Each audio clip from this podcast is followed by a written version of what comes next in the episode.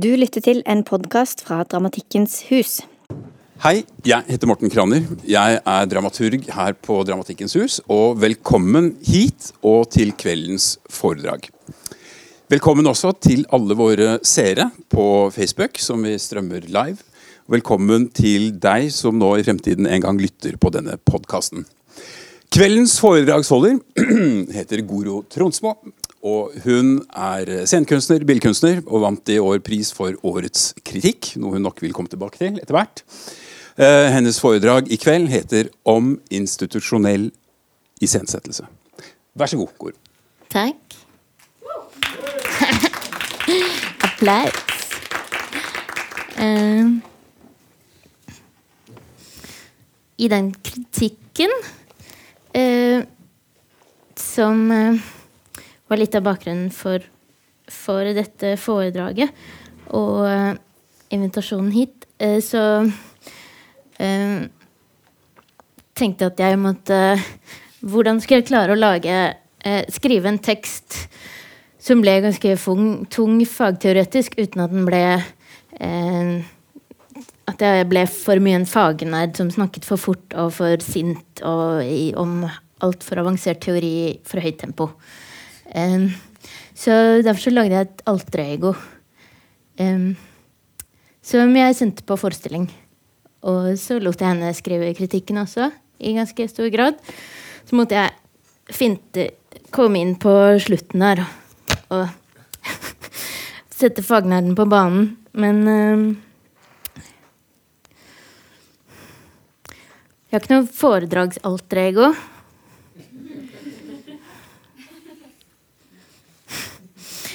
Um, så jeg tenkte jeg skulle starte med å sette et annet alter ego på netthinna deres, sånn at hun kan ligge der som en sånn forstyrrende dramaturgisk linje underveis i foredraget. Um, hun går på Teaterhøgskolen. Um, og jeg bruker henne for å iscenesette Norges største kunstnerfabrikk.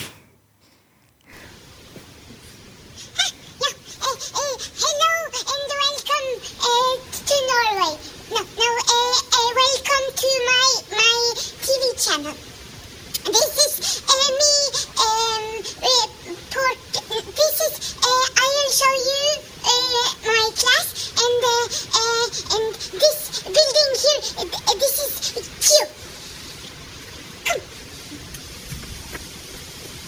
Sure, Mama.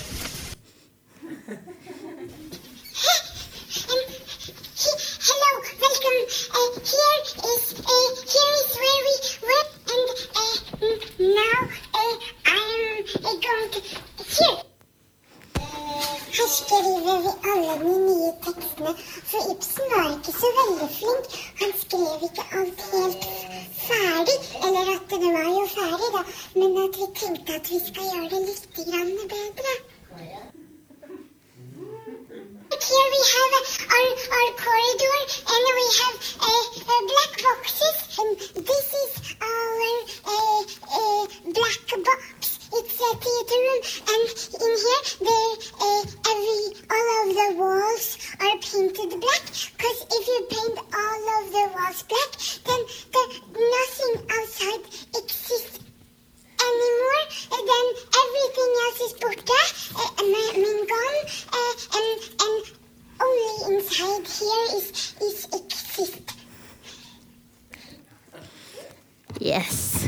only inside here is exist.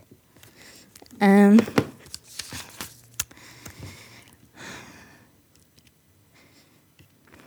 I am still here. um, jeg har lagd et alter ego til. Han heter Graham. Han er i slekt med Siri. Så han skal hjelpe meg litt underveis.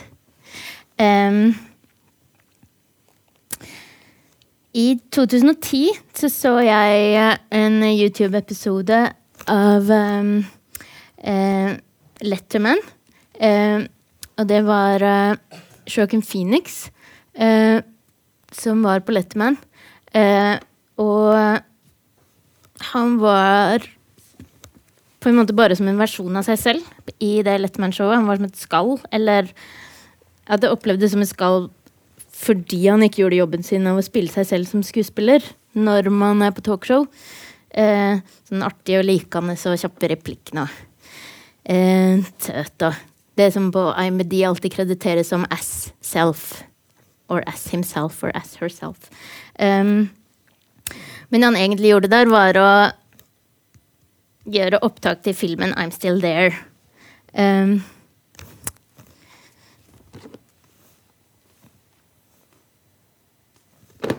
Nå skal vi se litt av den. Det blir sånn fin, god stemning her Thank inne. you Vi very har sånn much for being jingler on òg. the uh, program again. You know, it's been three years since the last time you were on the show, and I will just say right off the top here, you look different than I remember you.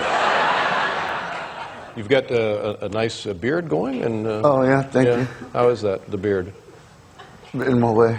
Well, is it comfortable? Is it itchy? Is it? Uh, are you pleased with it? I'm okay with it, but now you're making me feel weird about, about it. I'm sorry, I'm making you feel weird about it. Is there something wrong? I can't be the first one to make you feel weird about it. No, I guess not. See, that's what I'm talking about. Is it you do a lot of this? Mm, That's just a nervous tick, I think. Oh, just a nervous tick. Uh, you know, I saw this. Uh, I saw this movie the other night. Tremendous. What a tremendous film. You and uh, who else is in it? Uh, what's her name? Beautiful, lovely. Gwyneth Paltrow. Oh, yeah, Gwyneth Oh, Paltrow, Vanessa Shaw. Very nice movie. And uh, you don't see movies like this much anymore, and I was so gratified to see it. And you were terrific in the film. I really enjoyed your work. Thank you.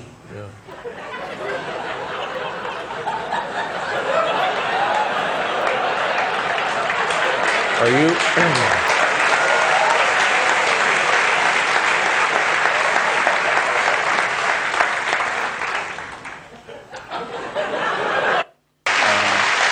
I'm just, I'm working on it, you know, it's, uh... You know, that seems unlikely.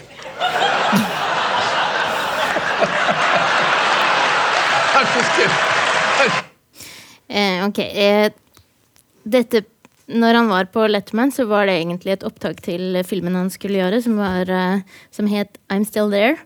Eh, der han og Casey Affleck, som lagde filmen, prøvde å undersøke eh, egentlig reality-sjangeren. De sa at de tok utgangspunkt i at eh, reality-TV var jo også bare iscenesatt og skuespill, men bad acting, som Joaquin Phoenix sa. Eh, eh, så han ville sjekke hvor lenge filmindustrien kunne tro på at han sa han han skulle hoppe av eh, karrieren sin som eh, skuespiller og bli rappstjerne istedenfor. Um,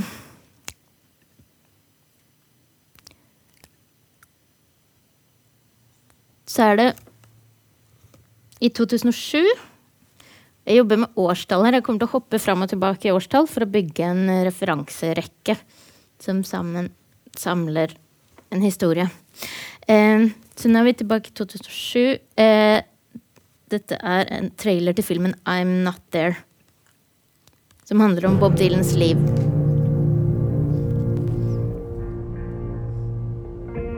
People are always talking about freedom. Freedom to live a certain way. Of course, the more you live a certain way, the less it feels like freedom. Me? I can change during the course of a day. I wake and I'm one person, and when I go to sleep, I know for certain I'm somebody else.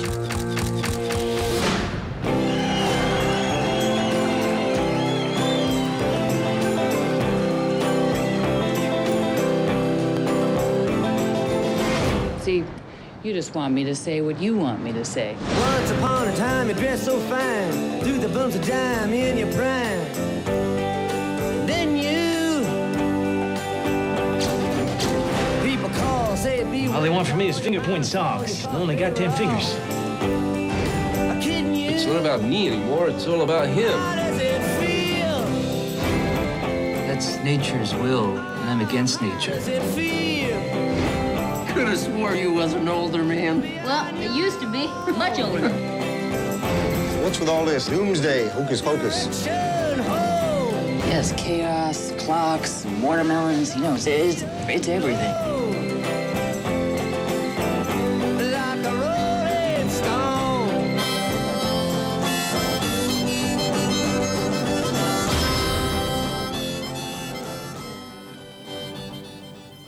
Bob Dylan gikk ut og inn av de fleste musikksjangre. Og idet han ble kjempepopulær i én sjanger, så gikk han over i en annen. Eh, og endret eh, både eh, det folk oppfattet som personlighet, klesstil og sin estetiske approachen av seg selv, til på en måte denne filmen bare tematiserer eh, hvordan industrien eh, gjorde at han hele tiden prøvde å komme bort fra den tingen de prøvde å sette han fast i. Eh, det her handler ikke om den filmen, men det handler om Jeg ble veldig inspirert av Bob Dylan og var inspirert av han helt siden jeg var liten. Eh, eh, nettopp fordi han iscenesatte hver sjanger med å være i den, så gå ut av den. Eh, og, og nektet å være den personen som folk ville at han skulle være. Um,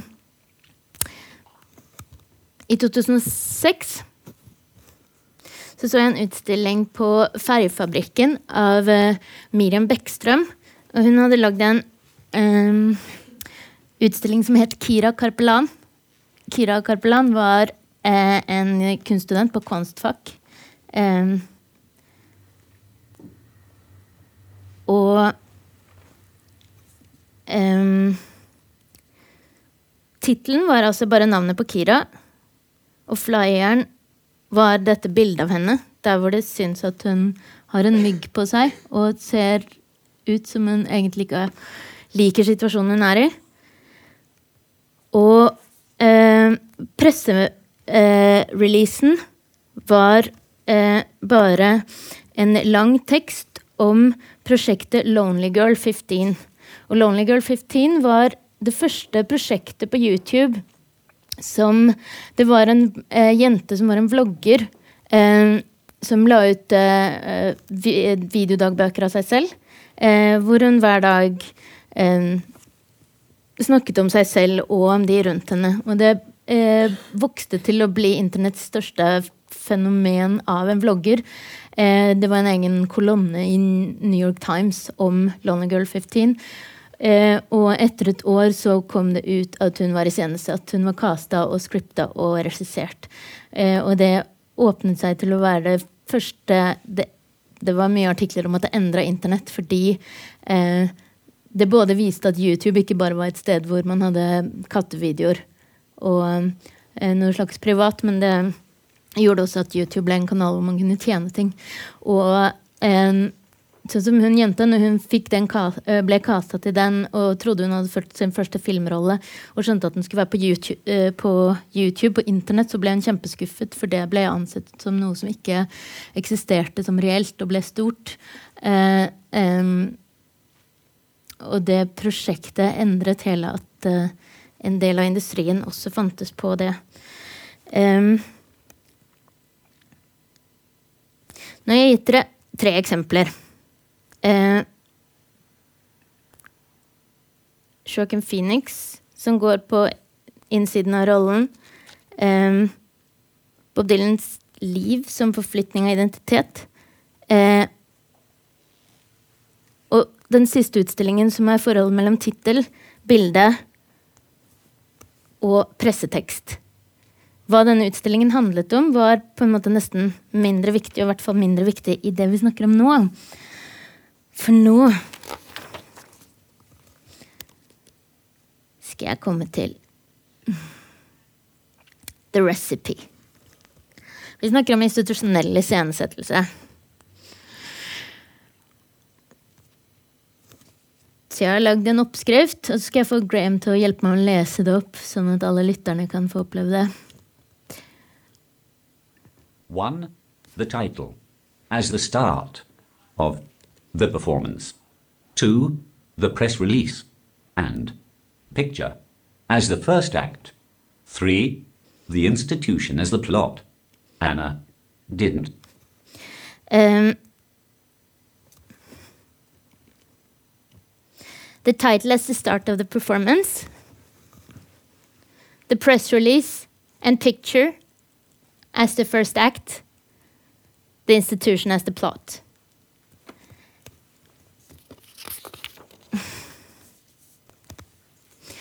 De Jeg har satt det som tre punkt etter hverandre, men det er også gjort for å på en måte forklare en slags dramaturgi, eh, og for å vidge eh, begrepsapparatet om verket som legges frem. Eh, nå skal jeg komme med flere eksempler. Um, I um, 2015, på Venezia-biennalen, eh, eh, på den danske paviljongen, så hadde eh, Jan Vo Han var kunstneren som ble stilt ut det året, og han hadde en Tittelen på utstillingen var 'What an excellent day for an exorcism'. Um, og han hadde eh, brukt alle veggene på å dekke eh, polstre veggene, sånn som man polstrer møbler, eh, med silkebånd og bomull bak og tekstil foran, eh, til rød silke. Eh, og så hadde han en eh, pressetekst, og den så sånn ut. Det er fra 'Eksorsisten', eh, den filmen. Så nå kan jeg prøve å lese opp den litt. Jeg prøvde å la Graham lese dette, men det ble ikke så veldig bra. Så Viktigste stedet å vise som en billedkunstner eh, kanskje ever. Um, og presseteksten lyder sånn You're gonna die up there. Keep away. The so, so is mine. Fuck me, fuck me, fuck me. Let Jesus fuck you. Let Jesus fuck you. Let him fuck you. Lick me, lick me. Do you know what she did, your cunting daughter? You might loosen the straps then. I'm not Reagan. I'm the devil. Now kindly un undo these straps. That's much too vulgar a display of power, Karas. In here, with us. Can you help an uh, old altar boy, father? Your mother is in here with us, Karas. Would you like to leave a message? I'll see that she gets it. What an excellent day for an exorcism. Intensely. It would bring us together. You and us. Uh-huh. In time. In time. Eh, dette er eh, de fleste av replikkene til eh, Reagan som spiller eksorsisten i den filmen. Eh, samme år, på Venezia-biennalen, 2015, den østerrikske paviljongen, eh, så har Heimo Sobernig eh, gjort om hele arkitekturen på paviljongen, men det fins ikke et eneste objekt der. Eh, arkitekturen i, på den østerrikske eh, paviljongen eh, ble tegnet i 1934 av Josef Hoffmann og Robert Kramreiter. Um, og visstnok så var de selv litt misfornøyd med den arkitekturen. Det er en blanding mellom historisisme og funksjonalisme. Det er store søyler eh, gjennomgående gjennom rommet, høyt under taket. Eh, men den er på vippepunktet mellom når funksjonalismen kommer inn. Og det Heine Sobring gjør, er å eh, ser, eh, løfte gulvet og senke taket, male det svart og gjøre, ta bort det som er historisisme, og gjøre det til bare funksjonalisme. Der tok jeg en liten uh, vending innom arkitekturen. Um, uh, dette henger på punktet som jeg snakket om, institution as the plot. Både Danvo og Heimo Sobring snakker her om både Venezia-banalen og om eh, de spesifikke paviljongene. Året etter så var jeg også der. Eh, Annethvert år så er det jo arkitekturbiennale. Eh, så andre året var det arkitekturbiennale, og da hadde de alle disse rommene satt ut masse kasser med brosjyrer og sånn om det som eh, de som stilte ut på østerrikiske paviljongen det året hadde det var, det var, var, på en måte infobasert, da. Det som de hadde i den utstillingen. Og de hadde resirkulert hele den arkitekturen fordi de kanskje syntes den var så chic eller eh, et eller annet, da. Og så spurte jeg eh, den vakten som står der, om eh, eh, hadde kunstneren gitt go på det, at de kunne gjenbruke denne arkitekturen. For når den var i året før, så var selve det at det var fravær av objektet, som skapte hele prosjektet. Og jeg syns det var et av de flotteste tingene på hele den biennalen. Jeg ble eh, veldig opptatt av det han hadde fått til med det. Og selvfølgelig det de bruker det til bare overflate og legger inn objekter, så forandrer hele tingen seg. Og han som var vakt der, sa at uh, han ikke visste om kunstneren hadde fått beskjed eller ikke. Og det er ganske interessant, det, de fenomenene av når arkitektene i, eh, ikke forstår når en kunstner som har jobbet med arkitektur, hva som er innholdet og eh, eh, konsekvensen av det den har jobbet med. Det var en liten eh, tur off til arkitekturen, men det har med institution as som er mitt tredje punkt. Eh, så skal jeg gå tilbake til to, år 2000. Um, da var jeg i København for å søke filmskolen. Um, og så var jeg enda bedre på prokastinering og utsettelse da enn jeg er nå, så jeg gjorde ikke bare sånn at jeg utsatte fristen til jeg måtte eh, siste dagen man kunne poste det, men jeg dro hele veien til der man skulle levere søknad. Eh, så jeg dro til København. eh, og leverte sånn stor eh, DV-kassett eh, som det var i år 2000. Men det var det samme året som eh, Robert Wilson hadde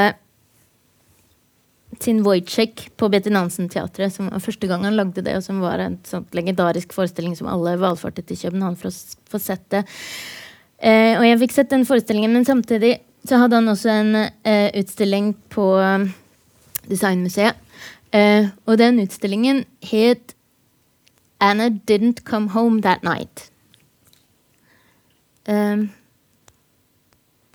det han hadde gjort, var å bare ommøblere alle møblene på Designmuseet. Han hadde satt de på nye steder eh, og lyssatt og eh, lagd sånn at rommene var historien. Det var ikke noe tekst, det var ikke noen andre ting enn bare tittelen 'Anna didn't come home that night'. Eh, og jeg, dette var i 2000, jeg var ganske ung, jeg ble so excited av å kunne se på Å kunne gå inn i et stykke hvor eh, tittelen fortalte både stykkets protagonist, eh, forhistorie og plott. Eh, sånn at tilskuerne kunne gå inn i protagonistens psykose. på en måte. Og akkurat da så var jeg eh, kjempeopptatt av å lage forestillinger der hvor tilskueren kunne koble seg på prosjektet ved å um, føle og leve og være i protagonistens humørsvingninger. Eh, og følte at det kunne jeg aldri gjøre med frontalt teater. Så jeg var mye mer opptatt av den utstillingen enn av det jeg da oppfattet som en sånn stilistisk jogging i Bauhaus-kostymer på Betty Nansen-teatret. Um, 2002,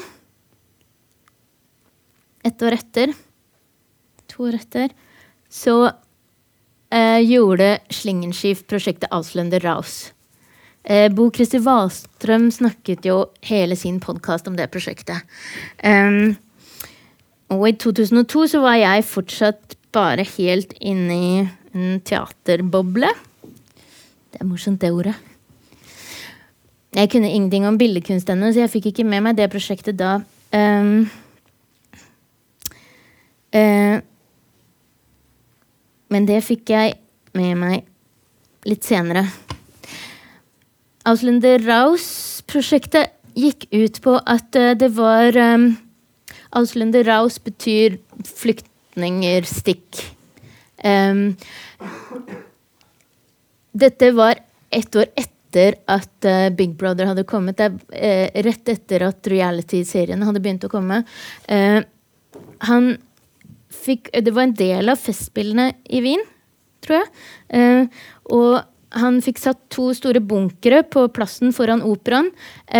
og i de bunkerne så kom det inn et visst antall flyktninger som bodde og levde inni de bunkerne. Og samtidig så, ble, eh, så kunne innbyggerne i Wien stemme på hvem som skulle få lov til å bli eller ikke. Em, og på toppen av bunkerne så sto det en stor banner hvor det sto 'Ausländer raus'. Um, nå skal vi se en liten YouTube-klipp av det. Ausländer raus! Ausländer raus! Ausländer raus! Ausländer raus!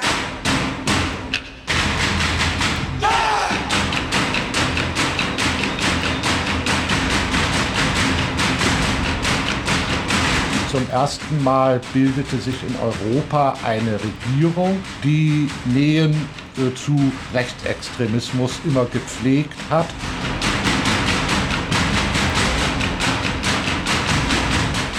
In einer Situation, wo jeder schaut, na was ist jetzt in Österreich wirklich los? Ist das jetzt ein faschistisches Land oder nicht? Er det ikke det? Und da war ja dieser riesen Big Brother Boom damals und, ein ganzes Volk oder eine halb, halb Europa kann die da rauswählen. Ausgewiesen! Das Jahrhundert des Sozialismus, der Jahrhundert, Jahrhundert Es war ja nicht der Schuss zu hören, aber man sah viele Menschen, die schwer verletzt herumtorkelten oder Aua schrien. Du verfluchten Sauhunde! Eh,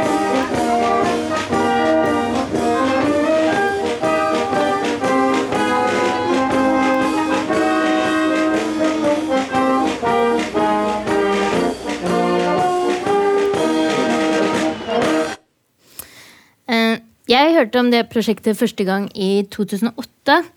Eh, det var på en talk på Hebbelteatret i Berlin, på Hau. Eh, og den talken eh, Der var alle biggiene i one room. Slingerskif var der. Olaf Eliasson. Douglas Gordon. John Bock. Karen Sitter. Haram Faroki. André Sala. Og moderatoren for det hele var intet mindre enn Hans Ulrich Obricht. Um, og det var en maratontalk som varte i sju timer. Um, det var kuratert av Mathias Lillenthal, selvfølgelig. Uh, Mathias Lillenthal var kuratoren på eh, Hebbelteatret i veldig mange år. Uh, og det grepet han gjorde med å på en måte ta disse folka som er så store i billedkunstbransjen, og også på en måte nesten slags symbolene på de forskjellige typer kunstnerne. Eh, eh, Olafur Eliasson, som er på en måte businessmann-kunstneren. Eh, han snakket til foredrag om at eh, I want to make a city. Det var etter han hadde lagd eh, The Waterfalls i New York. Så han ville gå fra elv, fargekart, til å bygge en hel by. Og han en skole. Um, Douglas Gordon var en sånn uh, var han som lagde uh, verket som het 48 Hour Psycho, som er uh, psycho, men vist bilde for bilde. Sånn at det varer kjempelenge. Og på en måte portretterte seg selv som en, litt sånn der slacker kunststudent som blir oppdaget veldig ung, og han er fortsatt litt i den stilen. Um, John Bock er en like rar som arbeidene sine er. Eh, eh, og Hans Ulrik Obrist er vel liksom the first curator av alle sammen. Og det at eh, Lillenthal eh, tar og på en måte setter alle disse ved siden av hverandre i et rom, og bruker, og ikke et hvilket som helst rom, men blackboxen på Hebbelteatret. Altså den um, How, to, House Why. Um, eh, det type grep at han vrir på på en måte alvor i kunstbransjen og setter det inn i hva teatraliseringen gjør med å sette blackboxen rundt det. Eh, var litt typisk eh, eh, Lillenthal når han jobbet der. Eh, og Bo Christer Vaalsum eh, Jo, det er vel eh, Slingenskif. Ehm, han gikk jo ut og inn av nesten alle kunstformer også. Han eh, lagde filmer som ble Som fortsatt der står som eh, kjempeviktig i filmbransjen. Han hadde en TV-talk eh, TV-serie slash talkshow slash realityshow som eh, ble spilt inn annet i kjelleren på Folksbyene. Eh, han hadde et politisk parti. Eh, og han eh, lagde denne reality-serien som vi snakket om. Og så han, begynte han å bli operaregissør, og så var han arkitekt. Det var det siste han gjorde før han døde av lungekreft. Eh, så jeg var også ganske opptatt av sånn Der er det en parallell mellom Bob Dylan og eh, Slingenskift. Det å hans egen, Livet i seg selv blir nesten kunstnerskapet, men også personifiseringen av yrket sitt og bevegelsen gjennom det. Eh, og dette blir jo satt i enda en kontekst idet Lillenthal setter de ved siden av hverandre og får de til å sitte i sju timer og snakke, snakke sammen. Eh, Bo Christer, når han snakket om eh, Auslender Raus, sa han flere ganger, og det er jo helt utrolig at de fikk lov til å lage det prosjektet. Altså lage eh, flyktningebunkere eh, på, rett foran operaen i Wien. Men eh, den som fikk det til, var, eh, var Lillenthal, som sto og dro i kortene der. Det var han som var kurator på det prosjektet. Eh, og Lillenthal var også kurator Han har stått bak både Gobsko og Rimini Protokoll eh, Jeg snakket en gang med Karen Sitter, og hun snakket om at han er den kuratoren som har vært Som er den hun virkelig tenker på som en kurator i betydning en som står veldig nær et kunstnerskap, og som hjelper det og støtter det og, og drar det i en retning. Um, denne eh, eh, slynga jeg gjør nå via kuratoren, har sammenheng med hvordan man kan lage verk som er eh, institusjonelle scenesettelser. Fordi de nettopp ikke er uh, trygge og lukte i seg selv, men de har med hele institusjonen å gjøre. Um, og på en måte det som uh, jeg syns med den æraen når Mathias Lillenthal var på Folksbyen, det er nesten en slags parallell mellom det og uh, den institusjonen og, og Folkspinnet. Nå sa jeg feil.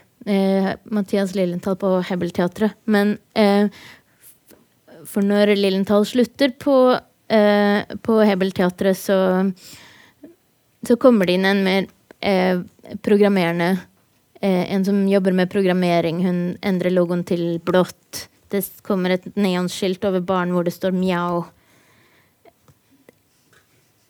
Det er en liten parallell mellom eh, hva som skjedde på Folkspinnet, da. Um, men Lillenthal fikk ikke sparken. Um, så Nå har vi kommet oss til Folkspinnet. Det dere ser på nå, er flyeren til denne maratontåken. Og den festivalen det var en sammenheng eh, var del av. Alle ting på Hebel under Lillenthal ble jo programmert som festivaler. Alt var alltid under en større sammenheng. Det var aldri enkeltstående forestillinger. Um, Folksbundet 2010, da var det en konferanse som het Ideer de kommunismus. Det var The biggest in the Same Room Again. Det var Alain Badiou og Zizek som arrangerte. Eh, og så ble det heist opp en stor eh, banner oppå fronten på Folksbyene der hvor det sto 'kommunismus'. Jeg har ikke klart å finne noe bilde av det, men dette er bildet fra inne i salen når, når uh, konferansen pågikk. Og Shishik fekta med armene og svetta sånn som Shishik gjør, og nappet i T-skjorta sånn som han gjør når han er engasjert. Og hele rommet var veldig fylt av pågangsmot og tro og etter konferansen så sto jeg utenfor og så så jeg at den banneren ble langsomt senket ned. Og det var ganske spesielt når hele folksbyen bare hadde kommunismus rundt seg på den måten. Og så var det bare et prosjekt. Og så var det litt trist. Det var ikke så trist heller, Folksbyen jobbet alltid ganske bevisst med forholdet hva det betyr å sette en stor tittel eh, på utsiden av bygningen sin. Um, Det var litt mer trist i fjor høst, når det sto 'revolusjon' utenpå Nationaltheatret. Um, da var det en forestilling der av Christian Lollicke. Eh, men den forestillingen skapte fint lite revolusjon, eh, syns jeg. Eh, poenget mitt er ikke å gå inn i den forestillingen, men eh, det var en forestilling som skapte noe som gjorde at publikum satt og lo, og de koste seg, og så gikk de hjem og hadde hatt en koselig dag på teatret. Eh, så det å skrive revolusjon på en stor banner og sette det utenpå huset sitt, på en bygning som står rett overfor Stortinget, det ble liksom sett i presseavdelingens lys som at ja, men det, det er jo ikke det vi mener. Så det er jo ikke det det betyr. Det, det er jo bare navnet på en forestilling. Um, og samtidig så brukes det så legitimerende da, for huset å sette det der. Um, så de har ikke jobbet med the title as the start of the performance. Men de setter opp på utsiden. Um, jeg insisterer på en måte på en slags uh, situasjonistisk lesning. Uh, men uh, ja, jeg vil si at det er ingenting som står alene og ikke kommuniserer utenfor sin egen avgrensning. Um, og alt vil alltid leses i forhold til kontekst av noen. Selv om akkurat de som har vært avsendere, ikke leser det på den måten. Um, var det 2006? Nå går jeg tilbake Nei, jeg husker ikke helt hvilket år det var. Ja. Mathias Fallbakken hadde en stor utstilling på Samtidskunstmuseet. Og der, var, der henger de også sånne kjempestore bannere rundt. Og det het, utstillingen het 'Shocked into Abstraction'. Jeg ble så opptatt av den tittelen. Um, fordi En ting var um, hva uh, for noe verk han stilte ut, men det, jeg begynte nesten å bruke shocked into abstraction som et slags begrep om hva som eh, skjedde med mange kunstnere på et punkt i kunstnerskapet deres, som er på en måte det Fallbakken refererer til.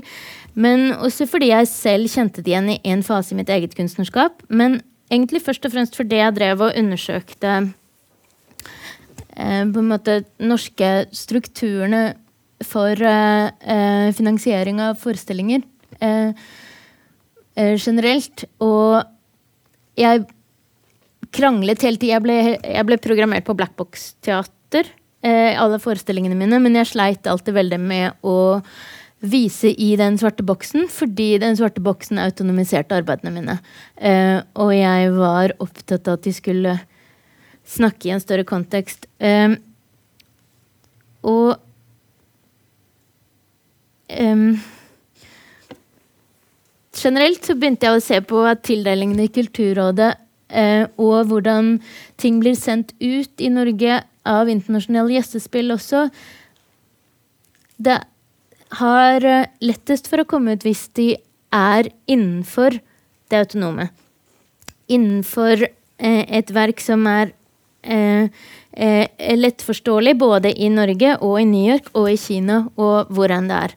Eh, sånn at eh, Og hvis jeg litt sånn høvlete kaller det for modernisme, så bare selv om Kulturrådets støtteordning egentlig skal gå til eh, eh, å nyutvikle formen, så var det i hvert fall en fase i kulturrådstildelingene hvor man mer kunne se at de jobbet med modernismekonservering.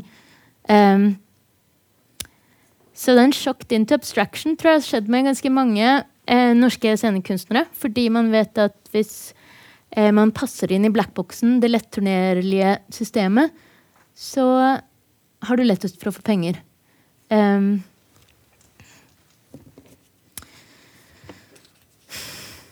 så lagde jeg et prosjekt um, hvor jeg gikk veldig langt i å bryte alle disse tingene. Jeg, jeg, jeg satte sammen et kompani av uh, kjempeproffe dansere. De hadde jobbet i Belgia i mange år med eh, Need Company og eh, Fabra og var eh, em, De var veldig De, de var, hadde jobbet med veldig mange prosjekter som hadde jobbet ganske tungt eh, konseptuelt. da. Og de var dansere, de fleste i dette kompaniet. Det vi gjorde, var å filme hverandre Så nå kommer eksempler fra mitt arbeid. Um, filme hverandre kontinuerlig i tre måneder uten at vi lagde et produkt. Vi så Vi prøvde å undersøke hva er rammene for hva et produkt kan være, og hvordan kan vi eh, få en ting som springer ut Hvordan kan vi ha en forestilling på Blackbox som ikke blir bare en 60 minutter forestilling der hvor man eh, drikker øl etterpå og er fornøyd med det? Hvordan kan man eh, lage et prosjekt som bryter ned rammene for på en måte fiksjon og virkelighet, men også arbeid, tid eh, eh, Alle elementene som scenekunst består av, da.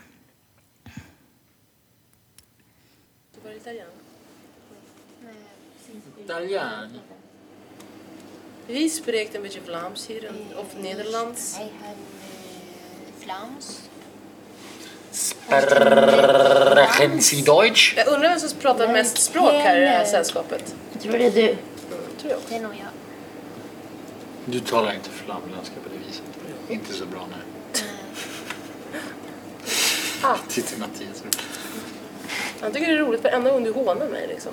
Trycker ner mig i skorna. Så skrattar Mattias. Det betyder att han inte gillar dig. Det går inte... Eller? Det är en Det är, för försvarsmekanism. att, ja, det är för att jag har liksom lite, ett, liksom ett, Sexuellt. sexuellt övertag på Mattias. Och då blir han lite liksom glad av att Film- jag kommer filmar du det här. Goro? Får du med det här på, får du med det här på kameran? Det de säger nu. Vet ni vad jag väntar på? Det är att all vår aggression ska riktas mot regissören. Blir inte det liksom det mest intressanta?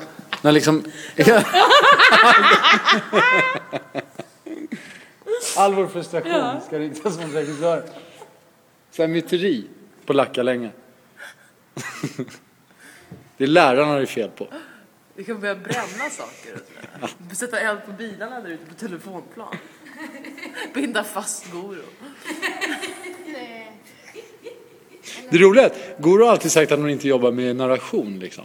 Tala om narration, det håller på att bli, det håller på att bli så här. Så här, världens banalaste lilla så här, ungdomsgårdshistoria håller på att bli.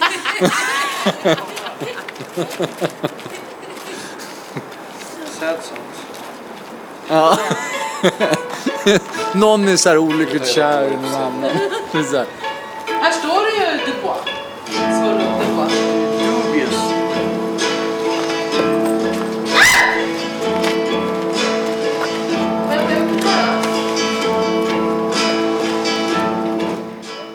Prosjektet, uten at det var tanken fra begynnelsen, så utviklet det seg til å bli mer og mer som et reality-prosjekt. Hvor eh, vi til slutt ikke visste i det hele tatt hva Når den andre eh, sa ting fordi den visste at det ble bra dynamikk eh, både på film og i rommet da, eh, eller om det var noe som var på ekte. Så det gikk over i å bli et slags virkelighetsmonster. Samtidig så snakket det både konkret og ehm, innholds- og formmessig om alle parameterne i scenekunst. Her er et klipp til. Få opp lyden. Og når man... Folk som spenner seg, det er det man ser. Og når man, og når man uh, ser motsatsen till det så är det faktiskt rätt häftigt. Även om det är korta stunder. Även om det bara är ögonblick. Det är det som är. Man nöjer sig med små korta ögonblick. Och det är sällan det sker också. Fikk nå Fick ni ett och annat att tänka på. Det kan ge en en viss sorg. Insikten om att det är omöjligt. Det är därför den här konstformen smärtar så.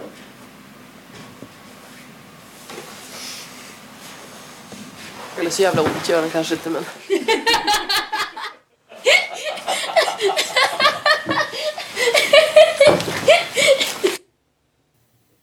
Jeg var veldig mye mellom Oslo og Stockholm helt fra 1999. Eh, og jeg ble, som mange andre Og Karl Ove Knausgård helt gæren av å se hele tiden på det der forholdet mellom handling og innhold, som ofte ikke var motsvarende.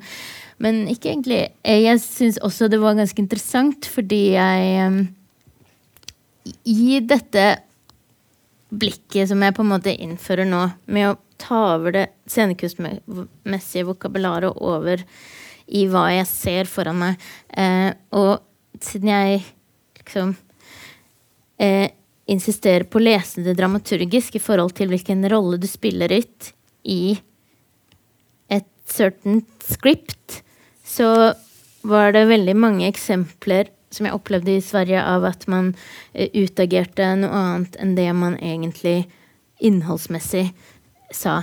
Eh, eller trodde at eh, betydde, da, av det man snakket om. Eh, det var en sånn hendelse på um, en festival 2007 i, i Stockholm som het Perfect Performance. Perfect Performance var eh, Daniel Andersson som startet um, Og det var en festival som tok uh, gjestespill til Stockholm. Problemet i Stockholm i veldig mange år var at det, det var jo ikke noen gjestespillscene, sånn at det har vært en veldig sånn konservering av hvordan scenekunsten har utviklet seg der. Um, og når det ikke er noe gjestespill, så, så, så, resirkuleres de samme ideene. Men i tillegg så var det strukturmessig sånn i Stockholm at man fikk penger hvis man var en ideell organisasjon og man hadde et svartmalt kjellerlokale. Et eget rom. Eh, så det betydde jo at hele de premissene gjorde at det som var avantgarde, var å sette opp eh, Strindberg på en, med en feministisk vri. Eller Eh, og det var utrolig mye resirkulering av de tingene. Men eh, Daniel Andersson med Perfect Performance prøvde Jeg spurte han en gang om hvordan han jobbet i forhold til kuratering. Um, og så sa han ofte selv at han lagde sånne Best of-festivaler. For han uh, tok inn scenekunst som uh, um, Som internasjonalt sett var ganske sånn de kjente, store navnene. Men at han måtte jobbe med kontekstutviding, og han ikke hadde noe annet valg da enn eh, for å få den svenske scenen på et punkt, så måtte han jobbe med det. Uansett, Perfect Performance. Det var en eh, forestilling der eh, i 2007. Det var en den produksjonsplattformen som het Victoria. Og så var det et belgisk kompani der som hadde strippere på scenen. Og de var også strippere og det var tematisert i forestillingen. Og så var det en talk etterpå om nakenhet. Um, og det som skjedde under den talken For uh, det var ganske mange temaer som egentlig ble satt opp, men, men det var som om salen tok over hva som hva som egentlig skulle snakkes om. Det, eh, det kom flere og flere anklager til utøverne om at de var ofre. Og, og de de som spilte strippere og var eh, strippere, satt og prøvde å forsvare seg mot det. Så det var ganske, eh, en ganske ekstrem ting som skjedde i salen. Eh, og som jeg opplevde at ikke ble oppfattet som ekstrem i ettertid. Eh, av um, når jeg gikk og snakket med folk etterpå. Det var mer sånn Der fikk vi satt på plass. Der fikk vi eh, eh, Der fikk vi sagt dem det som er sannheten. å være eh, så den slags opplærende funksjonen, da, som har vært mye en del av det svenske systemet, er koblet til på en måte at verk er um, Troen på at verket fungerer bare autonomt. Um, nå har jeg en um,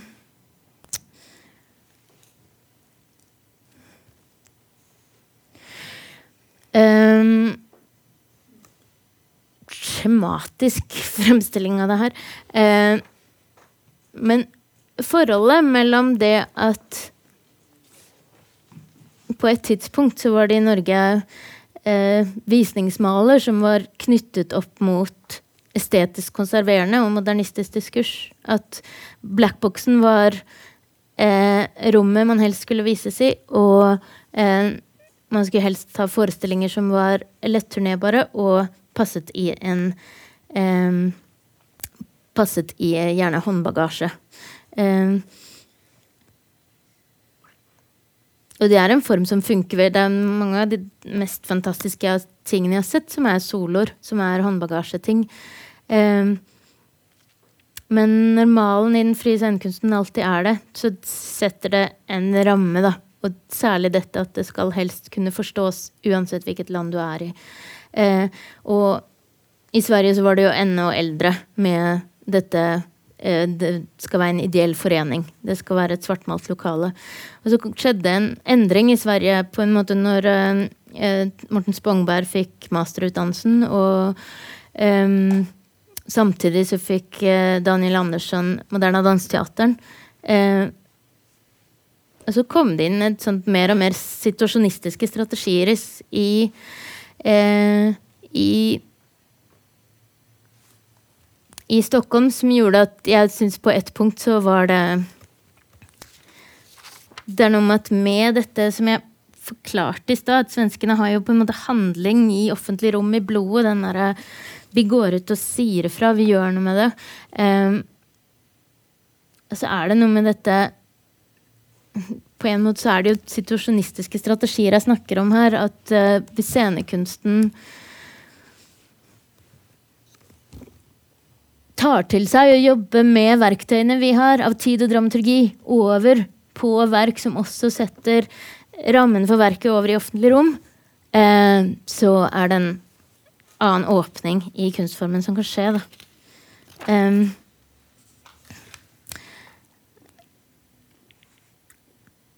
I 1967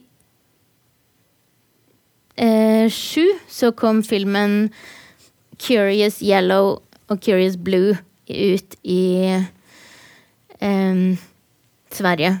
Og det var en blanding mellom fiksjon og virkelighet. Lena Nyman het Lena Nyman i filmen, og hun sprang rundt over svenske landsbygder og i Stockholm og stilte folk spørsmål. Um, og så var det også intervjuer i filmen. Blant annet så var det et intervju med Palme. Um, hvor han blir intervjuet ganske reelt som seg selv, men uh, uh, det er samtidig en del av fiksjonen, for Lena Nyman sitter på siden og flørter med kamerapersonen, og det er en del av plottet etterpå. Så her er vi ganske tidlig i um, filmer som jobber uh, mellom fiksjon og virkelighet, og som også førte til sånn Lena Nyman fikk sånn hatmail i mange kjempelenge etterpå, fordi det er så mye eksplisitt sex også i den i de filmene, så hun ble kalt Thor. Og, så det at prosjektet gikk over i virkeligheten. Men Palme sa det her i filmen. Eh, jeg oversatte til engelsk, for da får jeg poenget mitt fram mye mer. Han sa at fiction and national economy and visual impressions is very strong stuff. Han snakker på en måte om um, Å ta over scenekunstens vokabular over i det offentlige rom. Um, og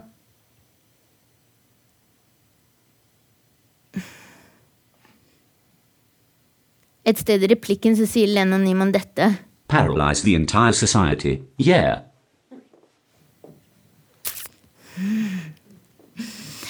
Um,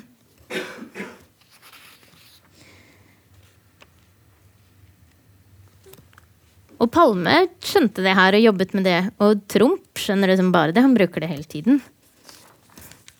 Men det er ikke alltid presseavdelingen på eh, teatret skjønner det. Og det er ikke alltid Eller de bruker det, men de vet ikke at det er det de gjør. Eh, og det er ikke alltid teaterfolk gjør det. Så hvorfor ikke det?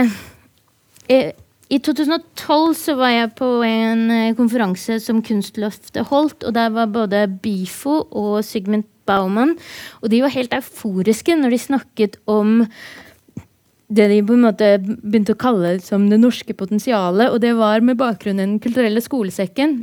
At vi har både penger og strukturer som er for å lage kunst ute og så mye blant barn, som er i seg selv tilgjengelig for hvilken som helst slags estetikk, og som leser inn alt det de ser. Eh, og potensialet i at både scenekunstnerne i, i kulturelle skolesekken eh, strukturen blir nødt til å jobbe direkte med kontekst. Det er ikke noe det er det som ligger i det er, det er ikke noe vits å ikke jobbe med kontekst når man jobber mot Den kulturelle skolesekken. Eh, sånn at både barn og scenekunstnere kan bli opplært i en estetikk som eh, er eh, potensielt dannende for hvordan man leser eh, Hvordan man bruker kultur, da, og hvordan kultur kan bli direkte politisk. Eh, for dem så er det helt selvfølgelig at den avgrensningen mellom eh, eh, kunstobjektet og hva som utsies, ikke er til stede. Det samme er det jo for barn. Um, så The belief in the autonomous object um,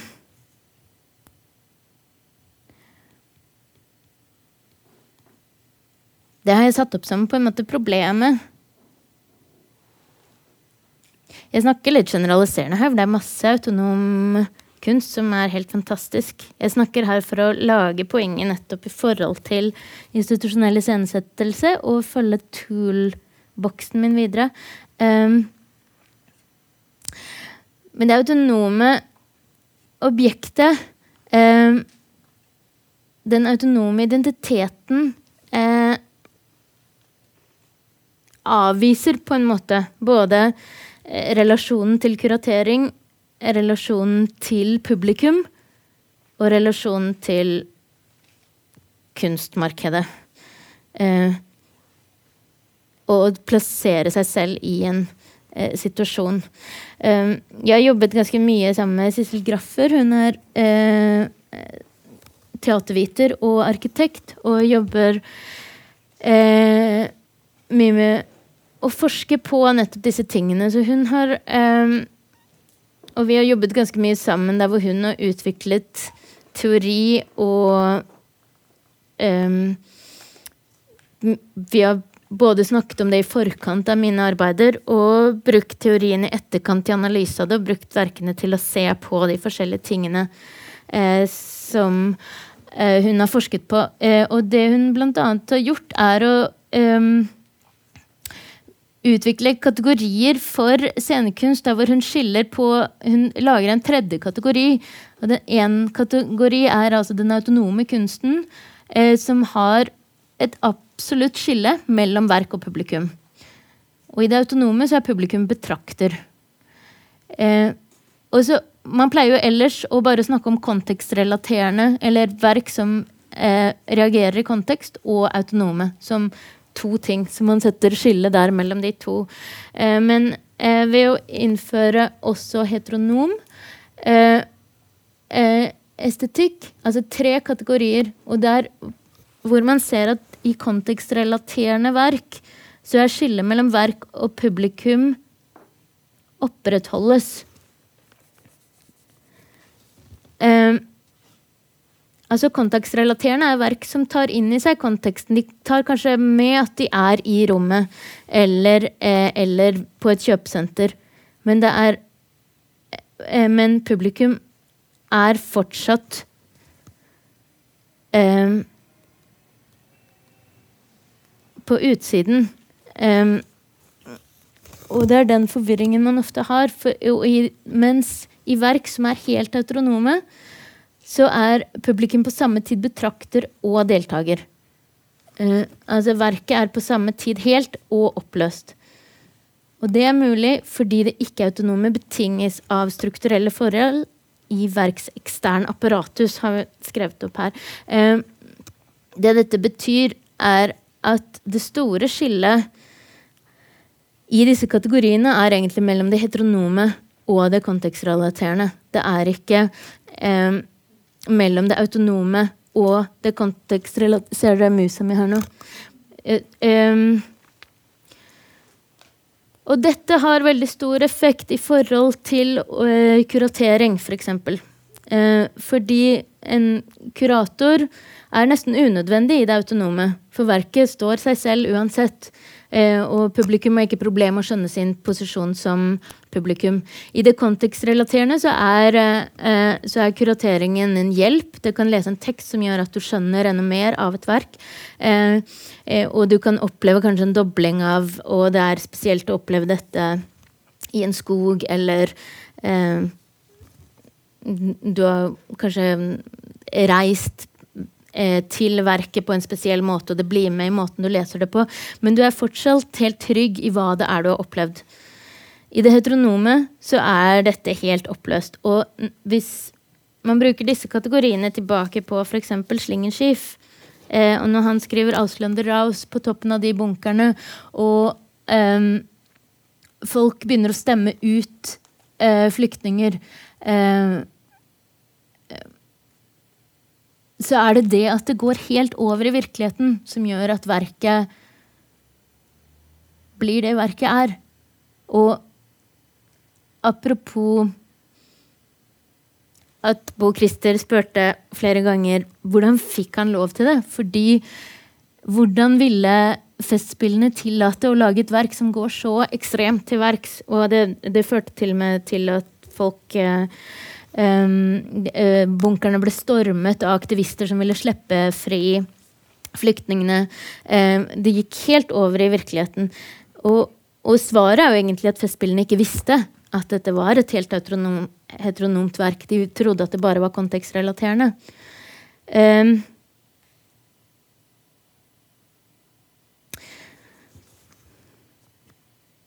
og i Nå går jeg tilbake til oppskriften min. Som er nummer én. The title is the start of the performance. To, the press release is the play. and the institution is the plot.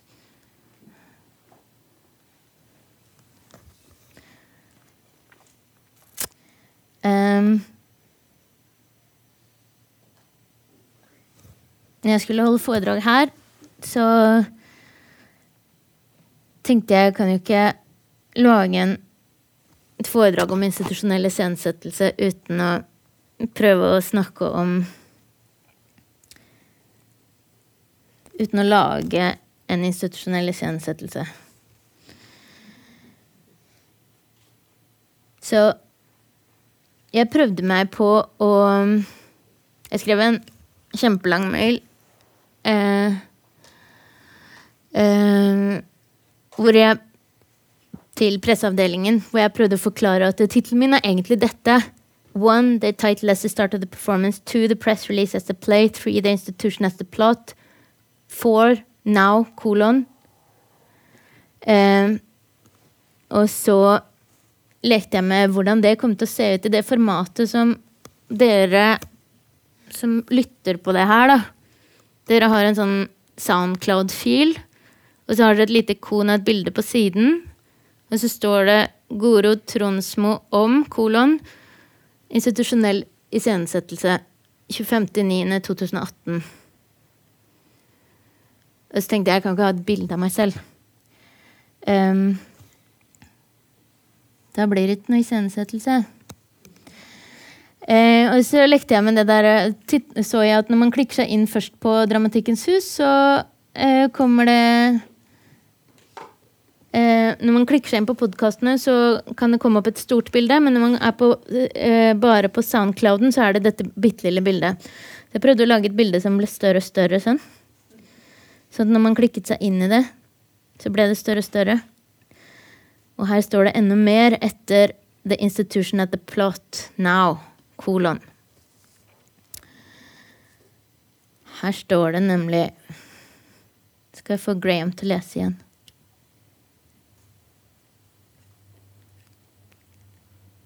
Skal vi se 1. The title as the start of the performance. 2. The press release and picture as the first act. 3. The institution as the plot. 4. Now. Arrow down. Title. Goro. D-R-O-N-S-M-O. On. Staged institutions. At. The House of Drama. Subtitle. What an excellent day for an exorcism. Arrow. Um, og jeg tenkte at hvis man åpnet det ikonet hvis man, hvis man sitter og lytter på det her, eh, og så f.eks. se på den på iPhonen, så kan du dra i bildet og få det til å bli større og mindre. Men jeg sendte denne mailen til presseavdelingen, så fikk jeg nei. Du fikk ikke ha det tekstbildet. Ville, ville ha et bilde av deg, og helst et profilbilde. Så da brukte jeg eh, en uke på å finne bilder som kunne Som kunne få til en iscenesettelsesgrep. Så var jeg innom sånne Dette er et tidligere arbeid som jeg har kuratert. Eh, den åpner seg ikke nå. Eh, eh, jeg var kurator for Øyafestivalen i 2014. Eh, og det var første året Øyafestivalen var på Tøyenparken.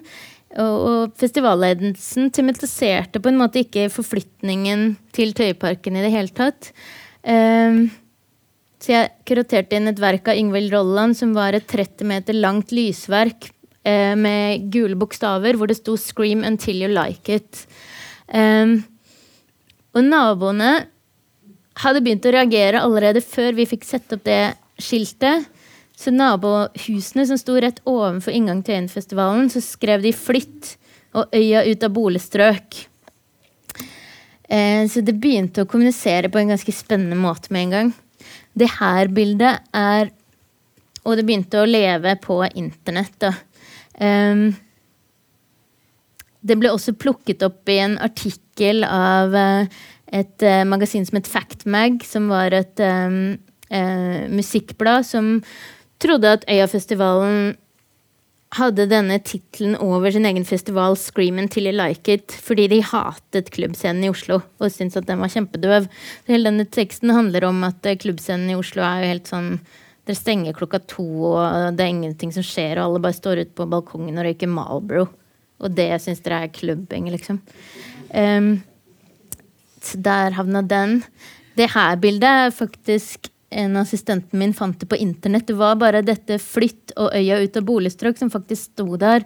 Så her har noen lekt videre med det i Photoshop og skrevet 'I want a ticket' i et vindu over.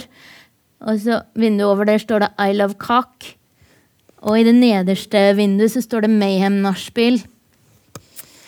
Så der begynte den å leve. Året etter så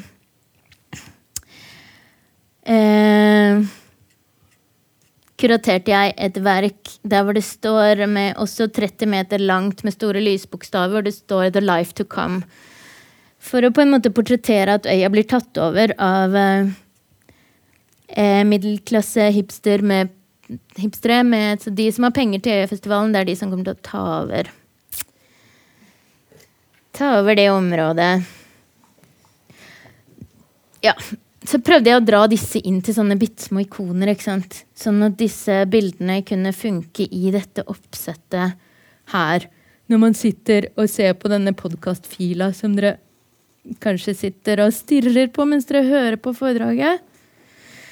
Så var det litt kjedelig å ha sånne eksempler på institusjonell iscenesettelse. Um, og så testet jeg meg på stillbilder fra dette reality-prosjektet jeg har, som på en måte snakker om det litt mer innenfor seg selv. Et bilde av meg selv der jeg har en sigarett i munnen, løper forbi en av skuespillerne, og så står det 'breakdown'. I'm having a mental breakdown. Yeah, what else is new? Um, um, et annet er et bilde av Linda som sier We thought we wouldn't work with narration, and then it turned out that as this extremely banal story about young hipsters' identity crisis. Um,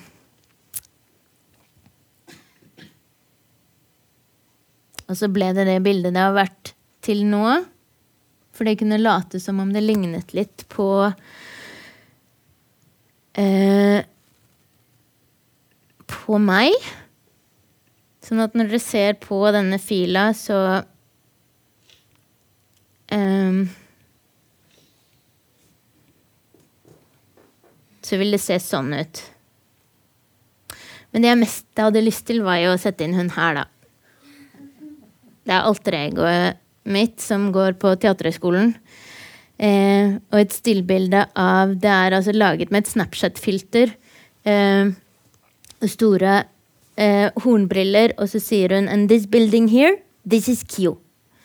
Eh, og så tenkte jeg at det ble kjempemorsomt, for da kommer kanskje Christian Seltun rett over meg, og så er det det ikonet som ligger over der.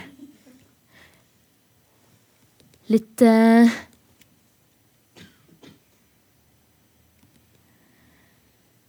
Men now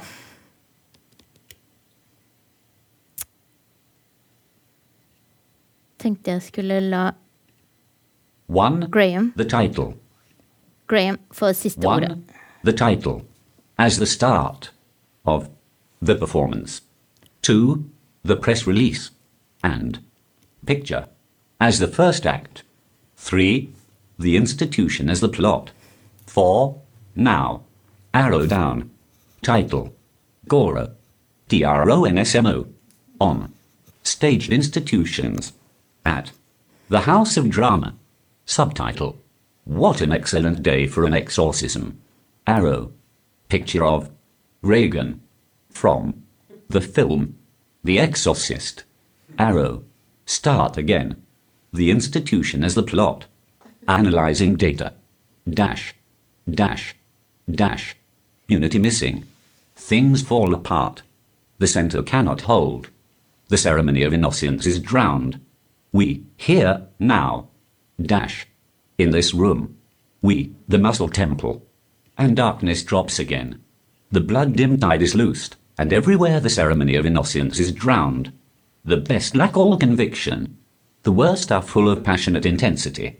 The second coming is at hand. The second coming. Hardly are those words out. When a vast image of Spiritus Mundi troubles my sight, the darkness drops again. Dash, dash, dash, dash. Data analyze complete. Copyright fraud found. The last part there was from William Butler Yeats, with a little bit of Goro Tro and SMO's own words mixed in between. That was all from Graham and Goro Triosniomo. Du har nå hørt en podkast fra Dramatikkens hus. Har du lyst til å høre disse foredragene live? Sjekk ut våre hjemmesider dramatikkenshus.no.